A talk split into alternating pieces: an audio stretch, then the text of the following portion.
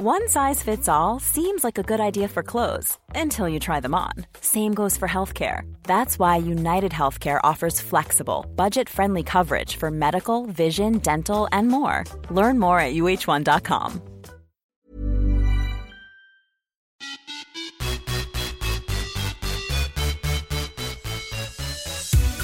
Hej och välkomna till podden Viss Svärm on the run med mig Josefin Svärm och Sara Viss.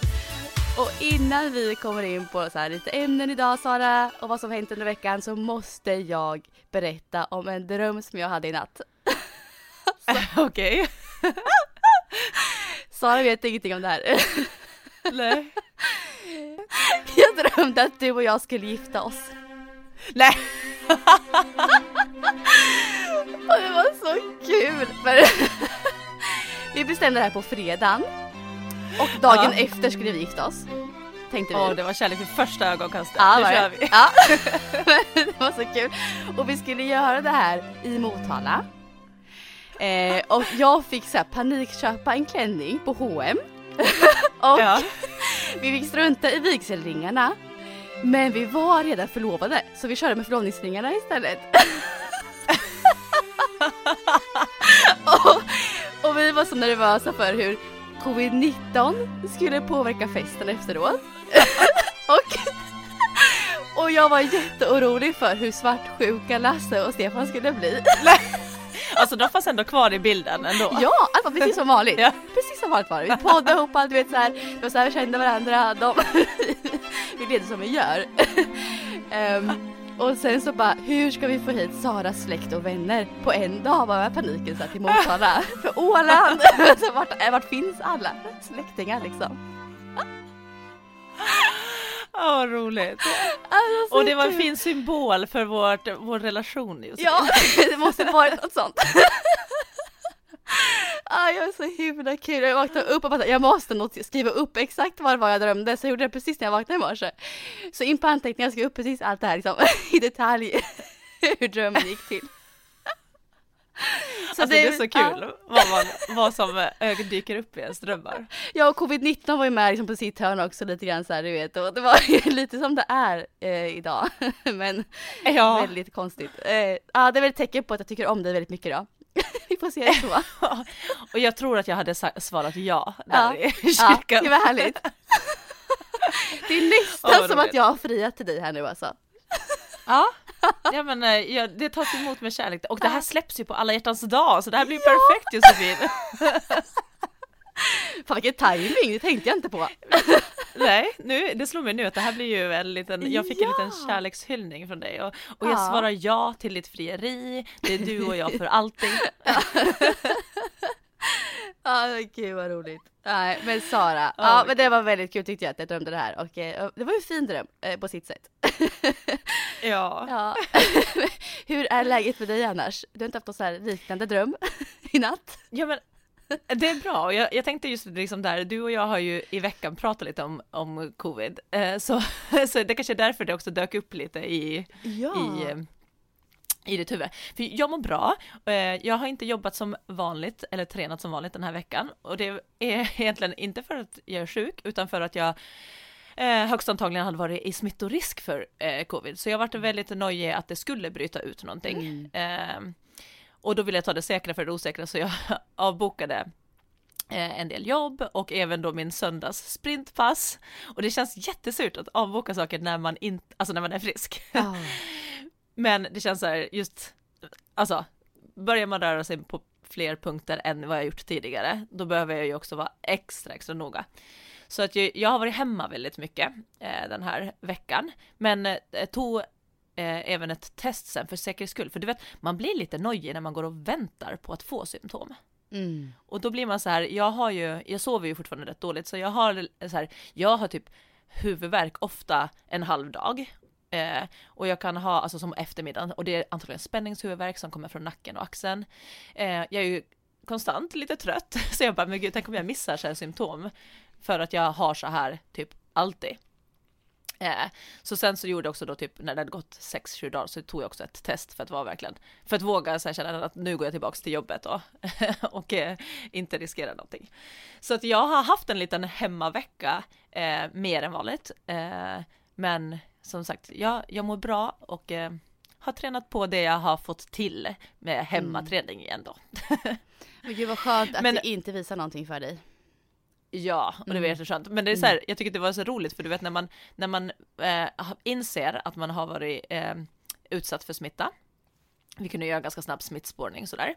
Eh, så då går man ju typ så här och väntar så här, oj, kommer det att bryta ut? Och det där, jag bara kände så här, gud, jag känner igen den här känslan av att liksom gå och vänta på något tecken och analysera allt. Och jag bara, det här var ju som inför en förlossning. Mm. Du vet, man vet BF-dagen och man börjar så här, och kommer jag känna några verkar eller kommer vattnet att gå? Alltså, du, alltså man går och analyserar varenda liten känsla i kroppen för man tänker nu är det på gång, nu är det på gång. och så har jag varit en vecka, så jag var typ alldeles slut. Efter att jag sen ändå fick ett negativt svar, så var jag ändå så här mentalt slut för jag har så här, alltså jag har trott typ allt så här, jag har typ haft ont så här lite i helsenan och jag bara Nej, nu sätter det sig på lederna. Jag har fått, jag har fått, för vissa får ju ledvärk. Ja, Ja, du vet allt, Lasse bara, Lasse bara så här, alltså du har typ, du har typ covid i, i, i allt, alltså i tårna, i, i, i halsen, i huvudet, så här, ont, allt jag liksom så här, ja, så att man blir ju lite knäpp. Men nej, så jag, jag, men nu har jag släppt det. Men då pratar vi också om att, för du har ju varit lite förkyld va? Ja. Ja, jag eh, fick jätteont i halsen i söndags eh, natt eller kväll.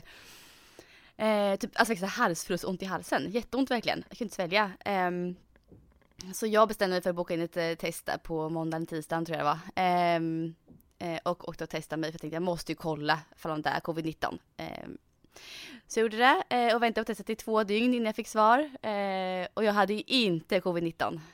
Jag blev så Ja, jäkla glad över det, kan jag säga. Eh, så jag har haft ont i halsen i veckan, tre dagar. Och sen så har det gått över till eh, lite hängighet och förkylning nu egentligen. Eh, lätt förkylning ska jag säga. Så att det blir nog ingen jättesjukdom av det här. Eh, och jag är så himla glad nu, lättad ändå. Att det inte var det. Ja.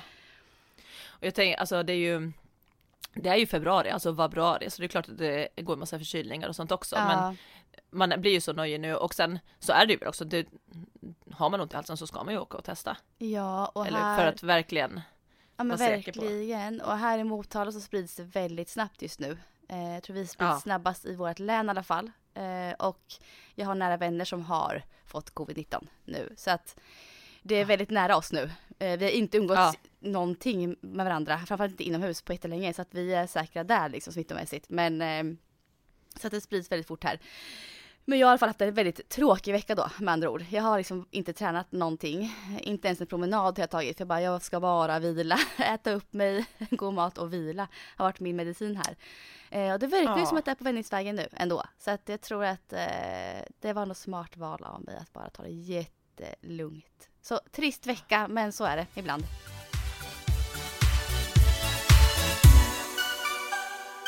Det var ju så när vi pratade om att vi skulle podda, du bara jag var sjuk och kände, du kände dig lite, lite ja, låg. jättelåg. Och du bara, jag vet inte vad vi ska, vi ska inte, jag vet inte vad vi ska prata om. Ja. Och då, på gott och ont då, så jag, jag ger en var, varning nu till lyssnarna så här att nu kanske det är jag som pratar mera, för att jag kommer ju då från ändå ett så här, jag är igång med jobbet, jag är igång med träningen, så i mitt huvud var det så här bara, åh vi ska prata om det och det och det, och sen, och sen när jag jag hoppades på det jag Sara kan jag säga.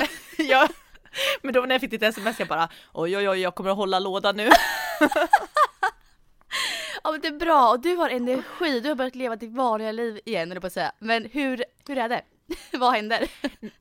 Ja, men alltså, jag känner det här, det är så tydligt nu också det här vad det har gjort med att vara mycket isolerad under föräldraledigheten. Att, eh, alltså just det här med mitt mentala, för att alltså jag har varit så glad av att få lite andra intryck. Alltså ha saker att prata om när jag kommer hem.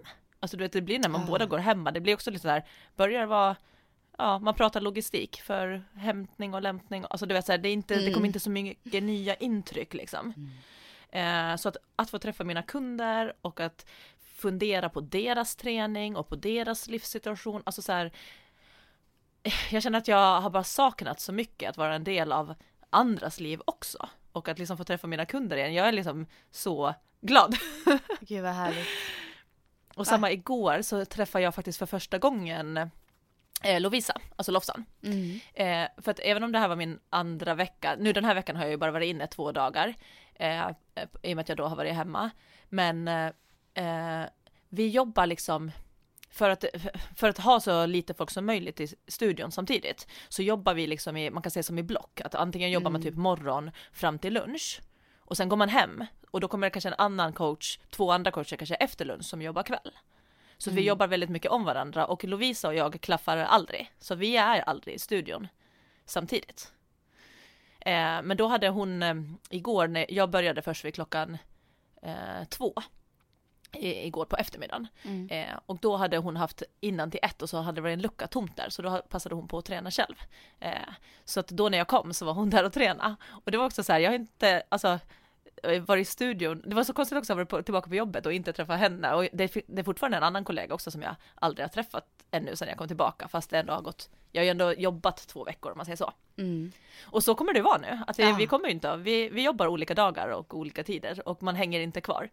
Eh, men det var så himla kul att se henne och jag märkte att vi också du vet så här, ah, börjar liksom så här längta och prata om event som man kan ha längre fram igen och Ja. du vet så här och Ja. saker man ska göra. Och Och jag bara blir så och jag bara vill, Ah. jag börjar ju tänka nu så här att, att vi ska ju såklart också ha ett event längre fram Ja det måste vi också ha. med podden. Ja, det ska vara så komma. kul. Ja, och liksom bara, och, och det var så roligt att liksom gå och tänka på det och känna Mm. eh, att den tiden kommer ju faktiskt. Den gör ju det. Mm. Sen är det så här jättekonstigt för att coronan kom ju innan, där, just innan jag gick på eh, föräldraledighet. Eh, Ja. Eller jag jobbade ju lite under våren. Och det är så konstigt för du vet att när man ska gå eh, och vara borta typ åtta månader från ett ställe och inte, jag kramade ju ingen hejdå på grund av att man inte skulle Nej. kramas och vara nära. Så man kramade ju in, inte mina kunder, alltså det var sista tillfällena man bara, ja hej då, gav en vink, vi ses Ja, om ett år typ. konstigt. Ja. Eh, och samma med Lovisa eller mina andra kollegor. Och sen också då att komma tillbaka nu så, så lång tid senare Mm. och fortfarande inte liksom kunna ge en kram när man ses. Nej. Det blir Nej. jättekonstig konstig stäm eller så här, det är så konstigt att komma och bara se, se Lovisa och bara ah, och så står vi och vinkar på två meters håll. Ja. Alltså, jag Alltså, undrar om det det är där kommer, ja, men undrar om det kommer bli så här, kommer det bli någonting som inpettas i våra hjärnor att vi inte kommer kramas lika mycket sen när det här är över? Eller det blir tvärtom att vi kommer kramas ännu mer? Frågan är hur det blir. Jag tror att med nära och kära kommer jag kramas mer. Ja, Men jag kommer också känna så att det är inte alltid är nödvändigt att kramas och, vara så- med och skaka flyktiga, hand till nej exempel. precis. Mm. Du vet bara så här, bara artighetsgrej. Mm. Det kan jag tänka mig eh, att kanske lite så här backar för att man kanske inte Mm. behöver göra det bara för att. Mm. Men de man verkligen tycker om och så här, de känns det som att man kommer så här. Åh, jag vill alltid krama er. Ja, eller hur? Så kanske det blir faktiskt. Jag tänkte på det, i början skojade man lite om så här, du vet när man såg folk som eh, eh, på filmer eller serier, liksom att man bara ah, ah, ah, inte skaka hand, inte krama, att man skojar lite om det. Ja. Men nu har det, det har blivit på riktigt Naturligt, i ja. mitt huvud. Ja, jag vet. Alltså så när jag ser på gamla filmer eller och de sitter typ eh, på en trång bar eller någonting så är jag bara app, app, app. Mm. Alltså Mm. det där är inte bra. Och, att, och jag bara, men gud vad läskigt, att nu är det inte liksom ett skämt som man skojade om att, åh, att de får inte kramas på film. För att nu, det sitter eh, så djupt in nu att, att så där nära kan ni inte stå, eller oj nu, nu behöver ni, är ni onödigt. nu har ni onödigt mycket kontakt. Ja, men det kommer ju forma oss på olika sätt framöver. Absolut ju. Ja. Nej men så Ja. det var lite så här bara lite covid-snack, men också liksom så här, Ja. varför, jag tror att det är det här med att få min energi. Jag missade också friidrottspasset ju i söndags då i och med att jag inte var, men Mm. jag tog faktiskt igen det igår, torsdag. Vi poddade nu på fredag. Så Ah. på torsdagen så, jag ska ju egentligen inte träna friidrott på torsdagar, men de kör ju, min tränare kör ju. Och då jag bara, nej men jag vill gå nu i och med att jag missade söndagen. Eh, så att eh, Lasse och Lias var med på sidan av där och, eh, och gymmade eh, på morgonen där då. Så att jag kunde få till både att vara där och sen åka direkt till jobbet med amning emellan. Men så jag fick den också energin igen, så jag tror liksom att jag är bara så här, nej men jag är på ett väldigt bra ställe nu med så här motivation och energi.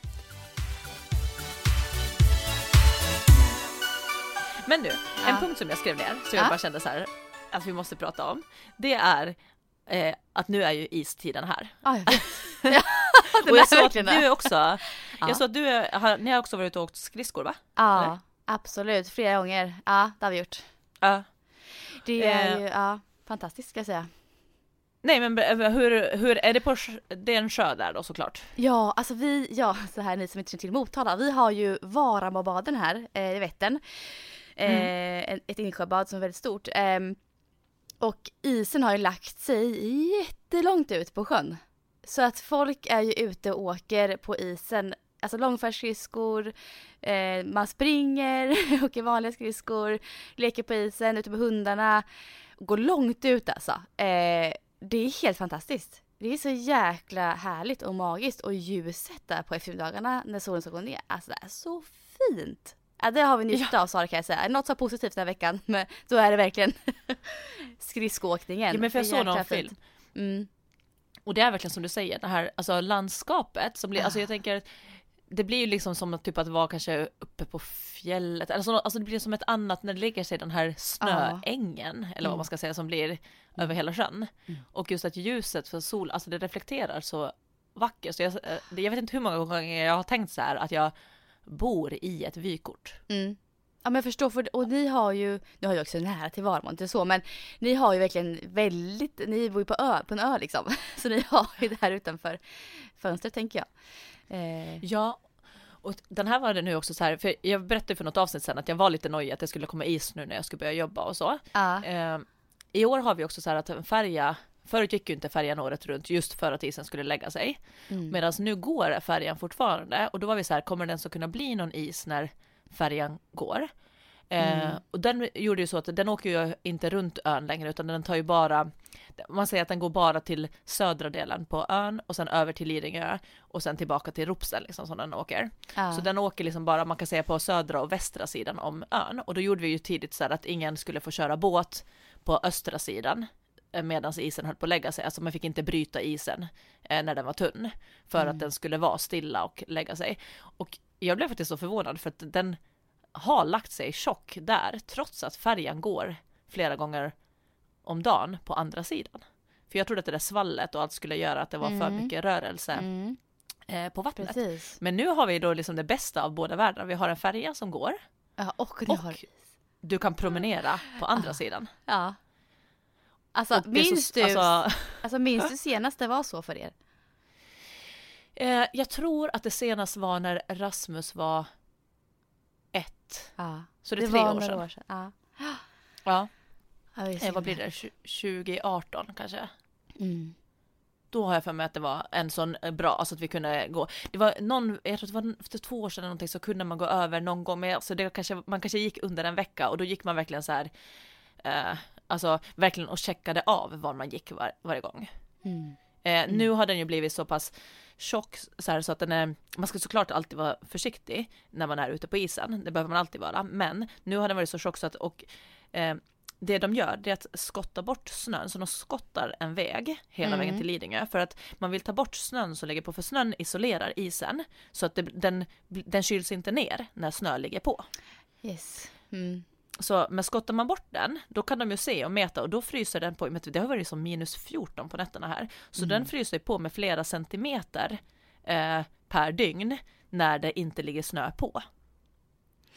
Så nu har de då skottat en bred väg och mätt ut och kontrollmätt den vägen, hur tjock det är och sådär. Så nu vet vi att det är som 10 till 13 centimeter. Och det Ja. är ju liksom, det klarar ju eh, av bilar och Ja, skotrar hela och vägen är alltihopa. Ja. Exakt. Och Mm. det är det. Och då, och då är det också så skönt att vi har några sådana gamla revar som har jobbat, eller gjort det här varje vinter i hur många år som helst här på Storholmen. Så de vet vilken väg som brukar vara bäst och sådär och att de då också går, eh, eh, de går alltid först med sådana här typ livdräkter, alltså det är som hela overaller. Mm. Eh, så då går de och mäter ut och så rapporterar de till oss liksom det här är där, typ att det här är det fortfarande svagt, så om ni går var väldigt försiktiga, alltså du vet så här. Mm. Och då kan man ju vänta, man behöver inte vara med i första gänget som börjar gå. Och sen rapporterar de lite typ varannan dag, tjocklek och sånt. Mm. Och nu går ju alla skulle jag, säga, Mm. skulle jag säga. Jag tror att alla gör det verkligen, för nu är det verkligen så här fin plogad väg, det är folk ute hela tiden. Och det är så härligt. Igår morse så gick vi tidigt på morgonen, soluppgång Ah. över den här Ja. Eh, och alla grannar man möter, du vet alla kommer med ett leende och de bara Alltså det är svårt att inte njuta. Det, man, kunde, man, kan, man kan inte starta dagen bättre. Och då tänker jag, tänk vad det där gör.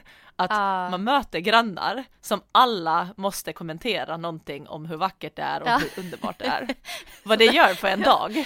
Ja, så där var det igår, vi var efter skolan så var vi med barn och åkte skridskor. Ehm, och då var det så här, alla man mötte bara så här, vad fantastiskt det här är.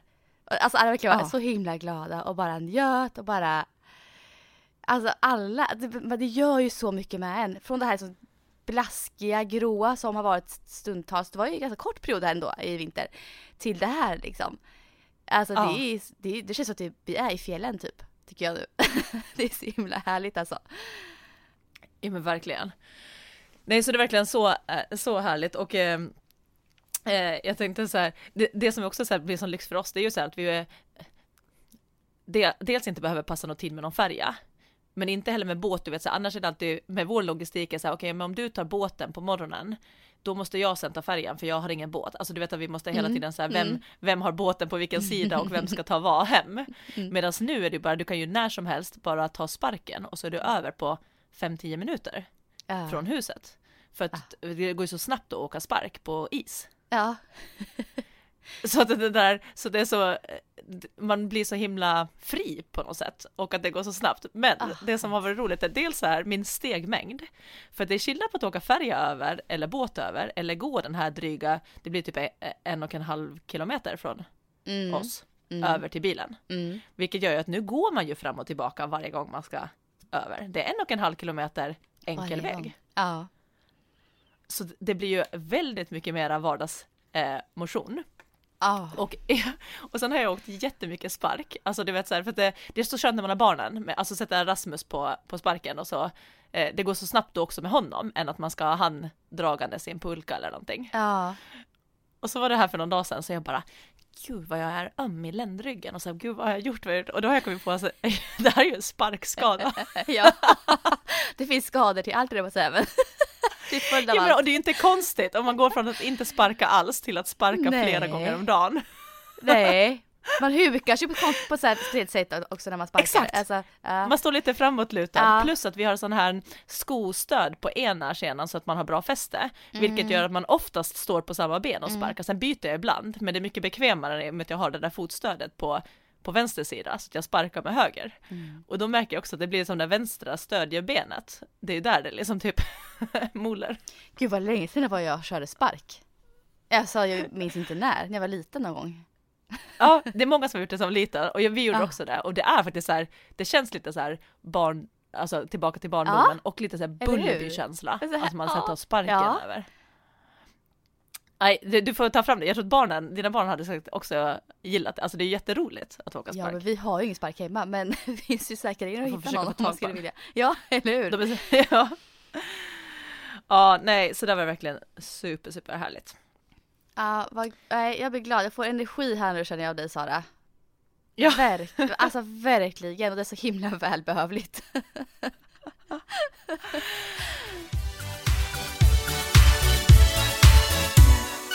Ska, jag- ska jag ta min nästa punkt då? Ja men kör på, kör på. Eh, jag har en här, det här har med just det friidrott att göra som jag tycker att jag Ja. måste nämna. Eh, Är det Kadis igen eller? nej, Nej, faktiskt inte. kunde varit det. Eh, och, nej, hon, ja precis, det händer mycket, för nu är det ju lite friidrott eh, på typ Ja. SVT Play och sånt ibland, det är Ja. jätteroligt. Men nu kommer det från finska sidan. Ja.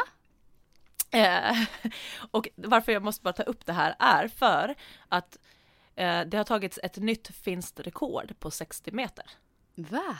bland damerna. Yes, och det är alltså ett 31 år gammalt rekord som har slagits. Va, Okej, vem är det och vad, vad blev tiden? Och vad var tiden innan?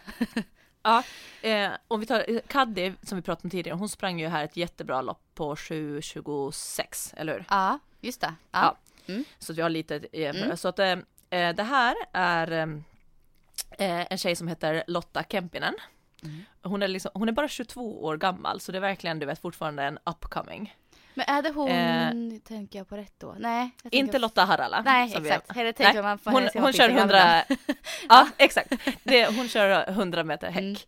Mm. Eh, och 60 häck då. Mm, mm. Eh, nej men så Lotta Kempinen, hon är bara 22 år gammal eh, och eh, hon sprang ett lopp nu på 7.21 sprang hon i försöken. Ah. Finska rekordet låg på 7.20 eh, så att hon laddar ju om då till finalen och springer på 7.19. Nej. Ja, så 7.19, alltså det är så snabbt. Vad sjukt. Alltså det är Ja, så och snabbt. att det just är så här och att det är 31 år gammalt, då fattar man ju också så här att det, det är inget lätt rekord att ta. Nej. Men gud vad kul. Vad roligt. Det måste vara jätteinspirerande för dig att se. Ja, alltså det är så roligt Ah. och nu blir man så nyfiken för det här är ändå ganska tidigt i säsongen. Det blir så här, nu Mm. vill man ju typ se henne, bara, alltså alla hennes tävlingar för att man Mm. vet vilken, vilken så här eh, nivå hon är på nu. Och det som är roligt är så här att hon kommer ju ändå inte så här från ingenstans, för det gör man ju sällan, utan hon har ju faktiskt eh, hon vann 100 meter utomhus.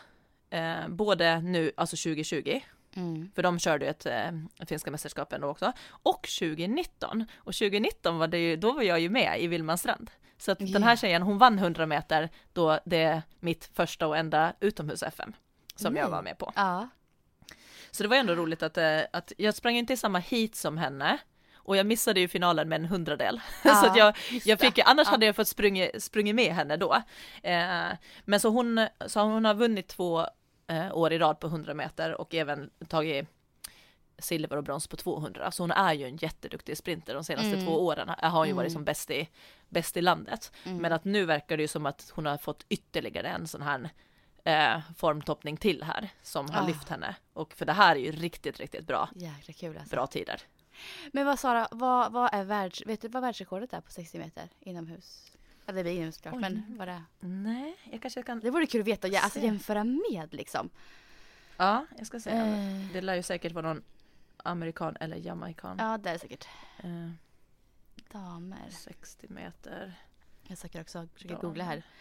Ja, precis. 692. 92. Åh ja. herregud! Hur länge sedan är det här, tänker jag. Och jäklar. Irina Primalova. en, det är Europa. Ändå. Ah, ja, men gud. Men jäklar vad snabbt. Förstår du eller? Ja. Det som är kul att fortfarande är världsrekordet på 60 meter häck, det är ju Susanna Kallur. Ah, det är ju coolt alltså. Hon har det fortfarande. det, jag minns inte. Åh gud. Ah. Det är coolt. Det är så roligt för att hon var ju aktiv väldigt länge också. Mm. Alltså hon, hon var ju Nej men det är ju en av få sprinter som ändå håller på i ganska många år för hon fick ju barn och fortsatte efter, Ja, efter att hon fick barn. ja. Men då är det så roligt för att ibland så nu när jag eh, tränar då till veteranklassen 35 så är det folk som bara så här ibland bara så här, ah, men har du koll på vad, vad rekorden ligger på? Är det någonting du kan, kan ta? Ja. Och jag bara alltså i K35 det är alltså Susa- Susanna Kallur som har kört har liksom. rekorden. Och det är, liksom, det är ju inte för att hon tävlade som veteran utan hon Nej. tävlade som vanligt men hon var ju över 35 så de Ja. räknas ju som såklart som veteranrekord. För Men gud, hon, vad ja, hon var ju över coolt att 35 hon- år. Ja men gud Så på-. Ja men så på 100 meter är K, K35, alltså kvinnor 35, rekordet är typ 11,65 och det får du alltså medalj typ på SM. Mm. så jag bara, eh, Ja. jag får nog vänta till K40 för att ha någon Fast chans. vem, vem vet Sara, vem vet? Kommer det hända? ja, ja, det Men på tal om Kallur så minns jag, alltså när hon var ganska nykänd inom friidrottsvärlden så fick jag hennes autograf. Ja, det minns du jag väldigt väl. Hon var DN-galan eller Finnkampen i Stockholm. Eh, både henne och Jenny Kallur sprang fram och frågade kan jag få en autograf? Då var jag ganska liten. det minns jag väldigt Ja. väl. Kan jag säga. Men det var innan hon blev så himla bra. Verkligen. Så det var Ja. kul. Nu har jag faktiskt en- rolig grej till att berätta Ja. eh, det, eh, om just dem. Ja. För jag vet inte att jag har sagt det här i podden. Men eh, Lasse har ju gått i gymnasieklass med, med systrarna Kallur. Va? Har han? Ja, för han är ju från, eh, alltså, eh, från Dalarna, men från en liten by. Men då gick han i, i idrottsgymnasie i Falun. Mm. Och han spelade hockey. Och då var det som en idrotts, ja, idrottsgymnasiet, så då var han ju, han är ju 81 som dem, så de har ju gått i, han har ju liksom växt upp, han har liksom varit, umgåtts med dem väldigt mycket och Ja. varit som du vet så här på fyra sportlov i Sälen och du vet det var det, alltså de har ju umgåtts i samma gäng under hela gymnasiet. Var de lika härliga Lasse- och fina de verk som de verkar? Jag, jag mig att de var det. Ja, alltså det känns som att de har alltid, att de har, och att de har väldigt så här tydliga personligheter också, för han skrattar, för jag brukar lyssna på deras podd ibland och berätta, och då, och då kan han skratta så här, ja det där låter precis som Sanna, eller det där låter precis som Jenny. Gud vad roligt. Så det är väldigt roligt att han var ju med då också när de just började slå igenom där. För det Mm. var ju typ i gymnasietiden när de började, det var riktigt, riktigt duktiga och började komma i landslag och så här. Mm. Eh, så att han sa att det var, han kom ihåg hur duktiga de var redan Mm. då, så det har ju ändå varit kul att eh, följa på så sätt för han också. Men när vi är inne på friidrott här så hon, alltså Kadis, på tal om henne så hoppade hon faktiskt 6,82 också. Längdhopp här. Mm. Och blev världsetta på det just nu. Det hände var förra veckan tror jag. Mm. Så det händer grejer inom friidrottsvärlden lite grann här. Eh, Ja men verkligen. ja. Och roligt det, att det är kul att, jag tror också om man ska ta så här lite positiva saker med också eh, Alltså typ det här corona och det, att Mm. i och med att det inte blev lika många tävlingar förra sommaren som Mm. folk är vana med. Så tror jag också att folk har gjort om lite, du vet att det har varit lite längre eh, långsiktigt tänk. Man Ja. har tagit sig lite längre tid för grundträning att jobba bort med svagheter eller sk- skadekänningar. Alltså du vet, man har fått lite mer tid på sig. För att annars är det så här, nej men tävlingssäsongen är nu. Jag behöver liksom tävla nu och sen får man ta tag i det där lite sen. Så jag tror att det är ganska många som har tränat lite annorlunda senaste ett och ett halvt året Mm. mot en vanlig säsong. Och det tror jag att nu på sikt kan ha gjort gott för många idrottare. Ja, man har, liksom har fått tränat en i, lite- lu- ja, men på sin, man har tränat i lugn och ro i sin takt och så här på sitt sätt mer kanske Mm. än vanligt. Och, att tagit tag i många- saker. Ja. Och att många kanske också har varit mera sjukdomsfria. alltså jag tror att många Ja. har, för att vi, man undviker ju att gå ut när man är sjuk. Man, gör, man håller sig inne nu liksom. Och det har man gjort ett helt år. Eh, och då tror jag att många, Mm. det blir färre smittor i samhället. Det märker man ju av barnen också i skolan och så. Och det måste också göra sitt tänker jag. Absolut, och jag tror framförallt eh, just på eliten. Mm. Eh, att det har gjorts i och med att de är så styrda till att vissa tävlingar ska du vara på. Alltså, Mm. Som motionär kan man ju lite så här, den man får feeling för eller det som passar, alltså så här, men Ja. ett eh, EM eller VM eller OS, du, det, där ska du vara oavsett om du, det, det är mycket till för, för att du ska hoppa över ett sånt. Mm. Även om du typ har lite ont och sådant.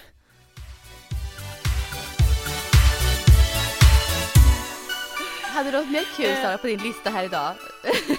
Ja, eller jag hade Ja. en sak till som jag bara tänkte, som hängde kvar med mig, för jag pratade med min lillasyster Hanna eh, Ja. för en vecka sedan. Mm. Och då hade vi en så här intressant diskussion som jag kände att har hängt kvar mycket i mitt huvud. Så jag tänkte att jag vill ta, eh, ta den här också för att kolla om jag kan få er att tänka till också. för att vi, hon hade läst en bok för ganska länge sedan. Eh, av en, hon finns på Instagram också, hon heter Storycoachen, eh, Katrin Sandberg. Eh, Ja. Och den handlar lite om att så här hitta eh, nu, jag ska inte säga för detalj, för jag har som sagt inte läst boken själv, men det är någonting med att så här hitta tillbaka till sin egen sanna story och liksom så här vad man själv drivs av och tycker att det är roligt och sådär. För att man, det är ju lätt att man, Mm. det är lite du och jag var inne på i förra avsnittet, att Mm. Precis. framförallt kanske de här småbarnsåren också, man hamnar in i roller, man tappar lite de här, vad, vad är det jag får energi av och sådant. Eh, och då var det liksom en uppgift, som, för då var det så här, man skulle gå tillbaka och fundera så här, vad tyckte du om att göra när du var sju år och när du var tolv år? För att då, Mhm. som vi börjar med sju år till exempel. Ja, för Ja. jag tror att sju är då, för då är det innan du har precis börjat skolan och tror jag innan du har börjat bli styrd till att göra Yes. saker. Ja. Så om du, kan du tänka tillbaka till, alltså typ så här sista året, alltså förskoleklass, alltså upp mot, Mm. vad, minns du vad du tyckte om att göra då? Springa. Du gillar springa redan då? Ja, ja. Ja. Definitivt. Ja, ja nej, grejen var att Ja. jag växte upp och sprang liksom mycket på gatan mot eh, mina grannar och sådär. Och där började jag ungefär den åldern skulle jag säga. Och min första löptävling, så jag själv valde att vara med på, det var när jag var sju år. Så springa, absolut skulle jag säga. Och, och du tyckte också att, om att tävla redan då? Ja. Att du ville? Det var kul. Ja. Och det är så roligt, för jag hade också så här att jag började typ med gymnastik eh, i den vevan. Mm. Eh, så att jag hade också, jag älskade gymnastiken och den här rörelseglädjen, att det var liksom, jag minns att jag tyckte det var så roligt. Mm. Och en annan detalj som jag också la till eh, i mitt, det var att alltid, e- även, alltså från att jag var typ så här sju år gammal, eh, så har jag alltid, om jag har hittat någonting som jag tycker är jätteroligt, då har det alltid varit viktigt för mig att dra med mig flera på det. Alltså det har Mm. inte räckt med att så här, jag tycker att det här är roligt och så gör jag det. Mm. Utan jag hade ju typ då gymnastikpass på förskolan kommer jag ihåg. För de andra. Av ja. det jag hade lärt mig. Ja. Och samma att jag skulle lära Hanna när jag kom hem, för Hanna är ju fyra år yngre än mig. Ja. Så det var ju alltid så här liksom att det var liksom att jag älskade rörelseglädje, men det var redan där någonstans också så här just det här att jag tyckte att jag ville också inspirera andra och att de skulle få samma glädje Mm. av träningen. Och det är lite roligt att tänka tillbaka på när man ja. vad man jobbar med idag. Ja, ja, verkligen. Eh, och då pratade vi, och just när Hanna pratade, för hon hade också, hon älskade också träning. Mm. Eh, och, och, så, och hon har ju också tyckt om att lära andra, men hon minns också att hon kunde så här tycka om att så här stå och nöta själv. Alltså Mm. typ att, för hon spelade också, det kanske var lite senare sen som hon spelade fotboll, men du vet att hon kunde stå så här med en boll jättelänge eller gymnastik, alltså hon Mm. har haft väldigt mycket det att hon har tyckt om att stå själv, att nöta, nöta, nöta. Eh, jag har inte riktigt velat det själv, jag har ju alltid velat ha med mig kompisar eller andra Mm. på det. Mm. Eh, Medan hon har liksom haft en sån. Och, så, och då frågade jag sen också så här, Lasse vad han gjorde vid 20-årsåldern Mm. och vad han tyckte om. Och han tyckte så här, han tyckte om också det här med att stå och nöta, han gillade redan där hockey och stå och nöta, vet du, slå puckar, alltså puck efter puck och vara ute i flera Ja. timmar. Men också en sak som han var, det var så att han älskade att vara i skogen. Och han ville gärna vara Mm. själv i skogen. Nej, men, ja. Så han ville, ja, Ja. han tyckte om att vara och leka själv i skogen. Så pass att han till och med någon gång hade, berättat det någon gång, att han någon gång hade en kompis fråga eh, om de kunde leka. Och då hade han typ sagt att han skulle leka med en annan kompis och till den hade han sagt att han skulle leka med en annan kompis Han gick ut i skogen istället. för, för att han skulle få vara själv i skogen. Så det slutade typ med att de här kompisarna hade lekt med varandra. Och Rasmus, nej men Rasmus, Lasse hade varit ensam i skogen för det var det han ville. Ja, Och det naturen där är alltså. så roligt för då, Mm. ja, för då när vi pratar tillbaka nu, om när vi tänker så här, Mm. vad han skulle göra just för att få energi, eller just att om han så här, vad skulle du vilja göra om du, när vi pratar om så här att fylla på eget konto och egen tid och. Och då säger han fortfarande så här nu, han bara, alltså helst skulle jag ju typ bara vilja gå ut i, gå ut i skogen en dag själv, alltså typ vandra lite själv och bara vara. Och det där Mm. tycker jag är så häftigt då, att det, Mm. det fanns ju redan när han Redan var då. sju år. Ja. Kan du känna vid 12 då? Hade det ändrat någonting? Då är man, går man väl typ 12. alltså i typ femman, sexan va? Mm. Mm, just det, då var jag väldigt aktiv i både friidrott och handboll. Jag höll på med två sporter, väldigt mycket gjorde jag då. Ehm, och minns ju att jag tyckte att det var väl, fortfarande väldigt roligt. Alltså väldigt, väldigt kul. ehm, Mm. med båda sporterna. Ehm, Minns du vad det var som var roligt med dem? Alltså vad det var du längtade till? Ja, men det var liksom, det var så mycket. Det, det var kanske inte lika mycket tävlingsgrejen. Jag tror så att jag hade så här, för jag hade mycket press när jag var yngre och när jag, på mig själv i alla fall, eh, och prestera. Eh, fast den åldern tror jag fortfarande att det var ganska okej. Att jag tyckte det var kul att prestera, kan jag minnas ändå. Det var senare sen Mm. det, det tog emot mera. Men då var det nog fortfarande väldigt roligt, för efter den här perioden då kom jag in i, eller, i klimakteriet, jag säga, puberteten. eh, jag kom ganska tidigt, eh, slutet på sexan eh, gjorde jag. Och då så tappade jag ju liksom så här eh, lite motivation och gick upp i vikt och vart så här, eh, det stannade utvecklingen då. Så men fram till jag var 12 år skulle jag absolut säga att jag fortfarande hade jättemycket lust att prestera, rörelseglädje, allt var kul, ingen träning var jobbig liksom. Eh, både handboll och friidrott var kul, jag hann med allting utan problem. Ehm, men det var skiftet där, 12-13, som vart lite tuffare. Det kan jag minnas. Däremot. Ja. Då började hända Men någonting. tror du att det var gemenskapen som du tyckte att var roligt då med idrotten? Alltså gruppen eller alltså? Ja, dels var det absolut gemenskapen, skulle jag säga. Mm. Och sen var jag, jag är, jag är lite både och där tror jag. För jag är, jag är lite mix här. Verkligen. För jag är både för gemenskapen men också faktiskt för det här att ligga och nöta själv. Och nästan lite så här Ja. ta i och liksom lite, lite, lida lite vet, i träningen. Alltså det ska vara jobbigt, lite, åh, där. Den grejen är också mycket för. Att ligga själv och nöta, Ja. där var jag redan då. Så jag var inte den här typiska lagspelaren som verkligen stortrivdes i socialt, gjorde jag inte. Där jag var nog kanske lite mer åt andra hållet egentligen. Det var därför jag valde friidrotten sen till slut, ifrån handbollen, för att jag var lite mer ensam liksom person som gärna ville nöta själv och så. Så jag, ah, det är svårt faktiskt. Jag, för jag är lite, Ja. en lite mix där. Men eh, Mm. Men jag tänker, Du- där är det också lite som Hanna, att du tränar ju fortfarande också mycket själv. Alltså det här med att, Ja, eller att du tycker ju om att springa. jag gör det idag Själv. också. Precis, exakt. Eh, ja, gör jag. Och det kan ju också vara ett lite- sätt att veta att man kanske Mm. fyller på energi så. Att Mm. du behöver kanske också få göra de här, nöta själv och vara bara det. du och din kropp eller liksom. Absolut, för jag har svårt för att bestämma för mycket sociala träffar i, i träningen idag. Eh, jag vill gärna nöta på mitt sätt eh, ändå.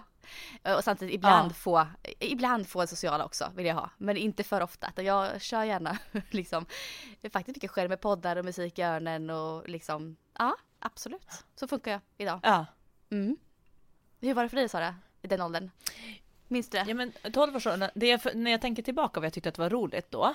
Mm. Jag höll ju på fortfarande på med gymnastik och jag tycker att, jag kommer ihåg att vi kunde sen också så på helger hålla på hela, alltså hela dagarna med att så hitta på eh, koreografier till så här eh, gymnastikuppträdanden eller dansuppvisningar. Alltså så här att jag tyckte det var jätteroligt att hålla på som skapa eh, ja men göra, eh, hitta på egna danser, rörelser, mima. Det var ju också mycket det här typ eh, var inte typ Spice Girls, det kanske var något år innan. Men alltså den typen av så här lekfullhet och att vi, jag tyckte det var jätteroligt när vi hade gymnastikuppvisningar, alltså inte bara tävlingar utan mer uppvisningar. Det. Eh, där man fick vara helt fria händer och alltså så här och eh, oftast då också i grupp, för då gjorde jag ju inte det själv, utan då var det ju mer som att vi var åtta gymnaster som gjorde en så här dans med gymnastikinslag och vi hade så roligt också när vi hittade på de där danserna. Mm. För det gjorde vi ju själv då. Och det var något så här som jag kände så här, bara gud, att det här tyckte jag ju att var jätteroligt och jag, bara, och jag fick en liten flash, det var någon gång när jag skulle, jag gjorde ett samarbete för Revolution förut när jag gjorde en sån här reel när jag skulle på att byta kläder och snurra alltså. på bryggan. Ja. Och då kände Ja. jag så här att efteråt att jag blev så här väldigt glad och tyckte att det var roligt och då tror jag att det där var en liten flash tillbaka där att jag Ja. Mm. fick vara så här lite kreativ och hålla på leka och skapa någonting Mm. eh, på det sättet och det gav mig lite så här bara aha vänta nu det här tyckte jag att var jättekul när jag var liten. Ja. Eh, och då slog det mig också att när jag var liten så gjorde jag också, jag och en kompis låtsade, vi lekte ibland radioprogram. Alltså vi hade en sån här bandspelare som vi spelade in när vi pratade och sen bara, och här kommer nästa låt och så tryckte vi på en låt. Och då kände jag också så här, har det är ju alltså- lite podden nu. Ja, men du har alltså tyckt om liksom det här att showa lite och att andra ser när du liksom Ja. Ja men förstår du? Där du för det har jag, Ja. har jag aldrig gillat. Jag hatar det när jag var liten. Alltså Nej. jag, jag, det här är så intressant, jag snackade med min sambo häromdagen. Det här med att stå i centrum. Det, jag har ju Mm. aldrig tyckt om att stå i centrum. Det är typ det värsta jag vet fortfarande idag. Nej, ja. Och så sitter jag här och driver en podd och jag har Instagram och liksom så här. Jag gör ju sånt som går kan ju- emot lite fast jag gör mitt intresse. Alltså, ja, förstår Fast samtidigt, där måste jag säga, en- jag, tror att det är ganska, jag tror, tycker att det är ganska många på sociala medier, medier som är så. För Mm. grejen är att du får göra allt det här ensam, du behöver inte stå i centrum. Nej. Din film kommer ut och sprids bland många, Ja. men du själv sitter ju inte, du skapar ju den själv, du sitter och redigerar Ja, och du sitter och gör saker Precis. själv. Det kanske är perfekt Så att- för mig att jag slipper Ja. göra det på ri- alltså. För det där vet jag att Ja. min lillasyrra sa också, hon hade också så här i 12-årsåldern hållit på, hon tyckte det var jättekul att hålla på som redigera och klippa och göra så här olika saker, eh, alltså med media. Och det gör Ja. hon fortfarande, det jobbar hon med idag. Ja. Att hon tycker Ja. att det är kul att skapa material, men att hon vill inte alltid vara liksom själv framför. Utan hon tycker det är Nej. kul att jobba bakom. Mm. Medan jag känner nu när corona att jag saknar ju så mycket också så här event och att få träffa och hands-on, få vara där och liksom Jo, hjälpa och pilla i det- teknik på plats. Alltså så här, Ja. så jag är nog mycket så att jag tycker om att vara där det händer och när jag var yngre drevs jag nog, eller jag var väldigt så här mycket, det var vik- kompisar var jätteviktigt för mig att ha, ha för dem runt omkring. Mm. Mm. Eh, det har jag inte lika mycket idag, men jag tror att det kanske är att jag har ganska socialt jobb ändå, så jag träffar ju ändå Mm. mycket. Ändå ja, precis. Ja, men där tänker jag med. Jag tänker att det här med att träffa, som du säger med hands-on, träffa kunder, träffa personer på riktigt, så jobbmässigt. Där däremot saknar jag, där trivs jag. När jag liksom Mm. får hjälpa och pusha fram andra människor. Eh, när det inte handlar om mig själv. Jag trivs mycket Ja, mer att stå bakom andra och få fram dem egentligen. Än att liksom, att jag ska prestera, att jag ska göra bra grejer. Jag vill gärna liksom, ja, hellre stå den här coachen bakom och liksom vara lite vägledare. Där trivs jag och även då på riktigt, alltså verkligen så här. Det är det mycket roligare egentligen än att coacha liksom digitalt. Alltså så kan jag känna. Så Ja. det saknar jag också. Jättemycket. ja men precis. Jag inte göra. Men det var intressant tycker jag, ändå. så Det var jätteintressant. Att se tillbaka. Så och jag, sen och jag tror att det här, Ja, Ja, Ja, fortsätt. Nej jag tänker så här, man tänker, man ser sina egna barn nu. För mina barn är ju Ja. faktiskt i de åldrarna lite. Alltså, eller min dotter är ju sju och ett halvt. Mm. Så, och henne kan jag se, hon är ju väldigt sportig tjej. Jag, jag ser att hon har så jäkla mycket rörelseglädje i sig. Alltså hon studsar, studsar, studsar. Hon kommer ju bli, alltså hon kommer ju hålla på med idrott när hon blir stor. Garanterat. Alltså hon kan inte vara stilla och är rastlös hela tiden och verkligen och det sociala med kompisar och det är innebandy, fotboll, det är allt du vet så här. Hon kommer ju ha med sig det här. Det förstår jag när hon blir stor. Ehm, och alltså Ja. glädjen i det. Hon tycker det är kul på riktigt. Eh, inte så mycket prestation än så länge. Utan mer för att hon tycker det är så jäkla roligt. Min son är ju, har varit tvärtom jämt ju. Alltså han är den här chilla killen som mer behöver space och var, inte behöver jättemycket kompisar. Han behöver ha mera tid med sig själv. Liksom, musik lyssnar mycket på, spela gitarr har börjat göra. Du vet, så här, han har andra grejer som för honom ligger varmt om hjärtat. Och som jag tror att han också kommer, det kommer synas i vuxen ålder, tror jag. De här olika personlighetsdragen de har. Eh, det är kul, Ja. det är intressant. Det är intressant att tänka på det tycker jag. Man ser det så tidigt. Det, det kommer i tidig ålder.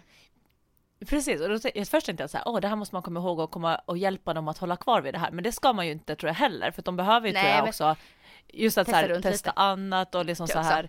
med. för jag tror att det är därför man också uppskattar alltså de sakerna sen, för att man också har liksom Alltså man måste ju prova massa saker, man ska ju inte Mm. hitta sin passion så lite. Men det, jag tyckte det var intressant och jag tror inte att heller man ska analysera det allt för mycket. Eh, det här med att vad man gillade när man var liten, för det är såklart att det kan finnas liksom olika sätt. Men jag tror att det viktigaste är just att tänka sig vad var det som fick det liksom att pirra i magen och vad jag tyckte att det var roligt. Mm. Eh, sen om man gör det idag eller inte, alltså jag tyckte ju bara att det var roligt att jag märker att mycket av det jag har valt att jobba med tyckte jag att det var roligt där Ja, och det är mer bara som att jag det känns skönt och kul att man har liksom hamnat på det. Sen tror jag inte man, be- man behöver inte jobba med det. Eh, absolut inte. Men jag tror att det kan vara liksom om man är lite så här eh, gud jag skulle vilja hitta på något kul eller någonting. Mm. Så att kanske bara testa lite så här, vad var det jag tyckte Gå att var kul? Mm. Ja. Sen tror jag att det fanns efter det också att man skulle kunna göra så här, vad minns jag som roligt mellan, alltså typ mellan så här 10 och 20 år, mellan 20 och 30, mellan 30 och 40, alltså och bara Mm. vilka saker som ploppar upp. Mm. Eh, och för det kan också vara bara en liten så här in, intention liksom med att vad, vad är det jag minns från livet som jag har tyckt, som jag har liksom fortfarande kommer ihåg väldigt starkt. Mm. Så det var också grejer- ett sätt att Ja, och så minns man jobba mycket vidare. negativa, jobbiga saker minns man också väldigt mycket, kanske ännu Ja. mer. Alltså ibland än än Ja, de positiva vissa perioder. Så att försöka med att tänka så här, under den här tioårsperioden, vad var det liksom Mm. så här, vad gjorde jag som var roligt? Så jag kommer Mm. ihåg till exempel mellan 20 och 30, där Mm. reste jag mycket. Det var både jag. Australien, det var det, ja. Och du vet Åh, att någonstans jag är ju det säkert någon, någonting som man fortfarande gillar, fast man kanske Ja. inte prioriterar det lika mycket, men man kanske ska Ja. få in det lite grann. Eller sådär. Ja, absolut. Ja men du, ska vi ta sista punkten nu då? Yes. Veckans bästa, Veckans bästa. träning. Ska jag Har du börja? någon? Ja. Alltså jag har ju inte tränat någonting på hela veckan. Ehm, men mitt veckans bästa får ju bli ändå att jag inte har covid-19. Eh, jag blev ju sjuk, trist, men det är inte covid-19 så jag behöver liksom inte vara orolig för att jag ska få massa eftereffekter i träningen av det. Så att Nej. det får vara veckans bästa. Jag är glad Ja, för det. det är ju, ja, det är ju verkligen veckans bästa.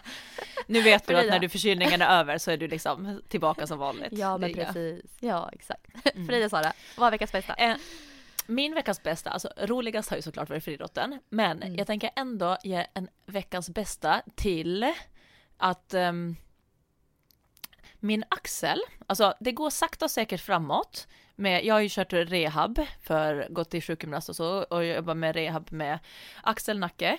Eh, och jag måste säga att jag har varit så duktig, alltså jag har typ i stort sett varenda dag sedan i slutet på december gjort de här gummibandsövningarna, roddar Mm. och olika rotationer och håller på. Eh, och jag sa ju där att jag också ville ha tillbaka min muskulösa rygg. Ja. Alltså att, det var, att jag var, var så motiverad för jag bara, nej men gud jag vill verkligen.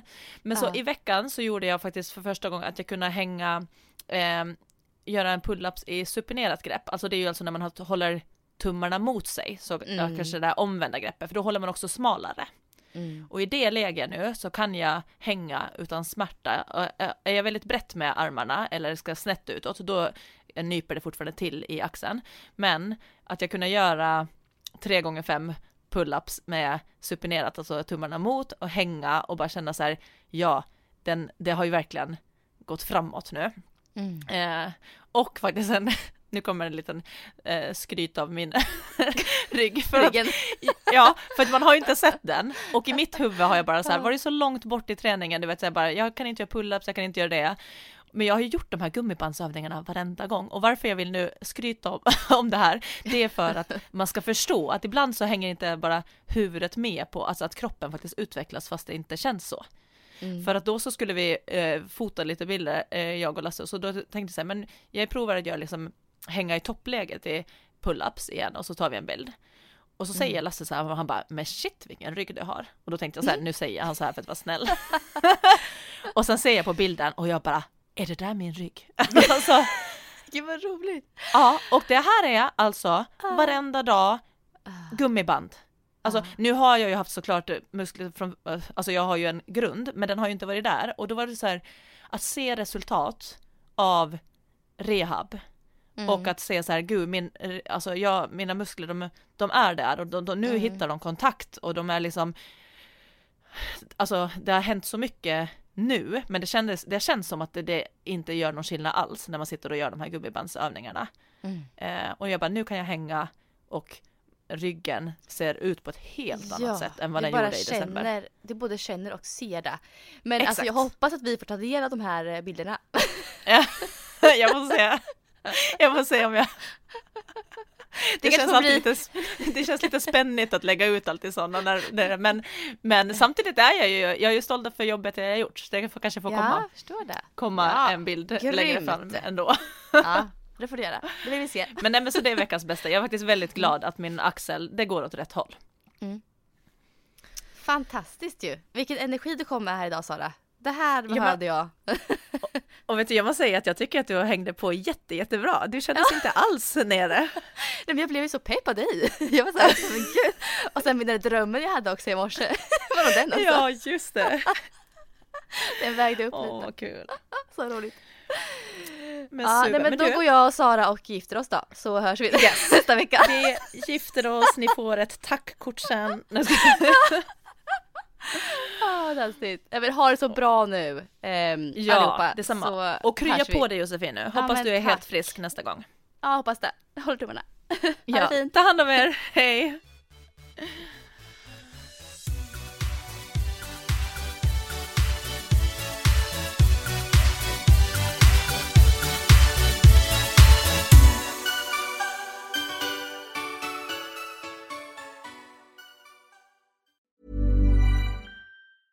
Ever catch yourself eating the same flavorless dinner three days in a row?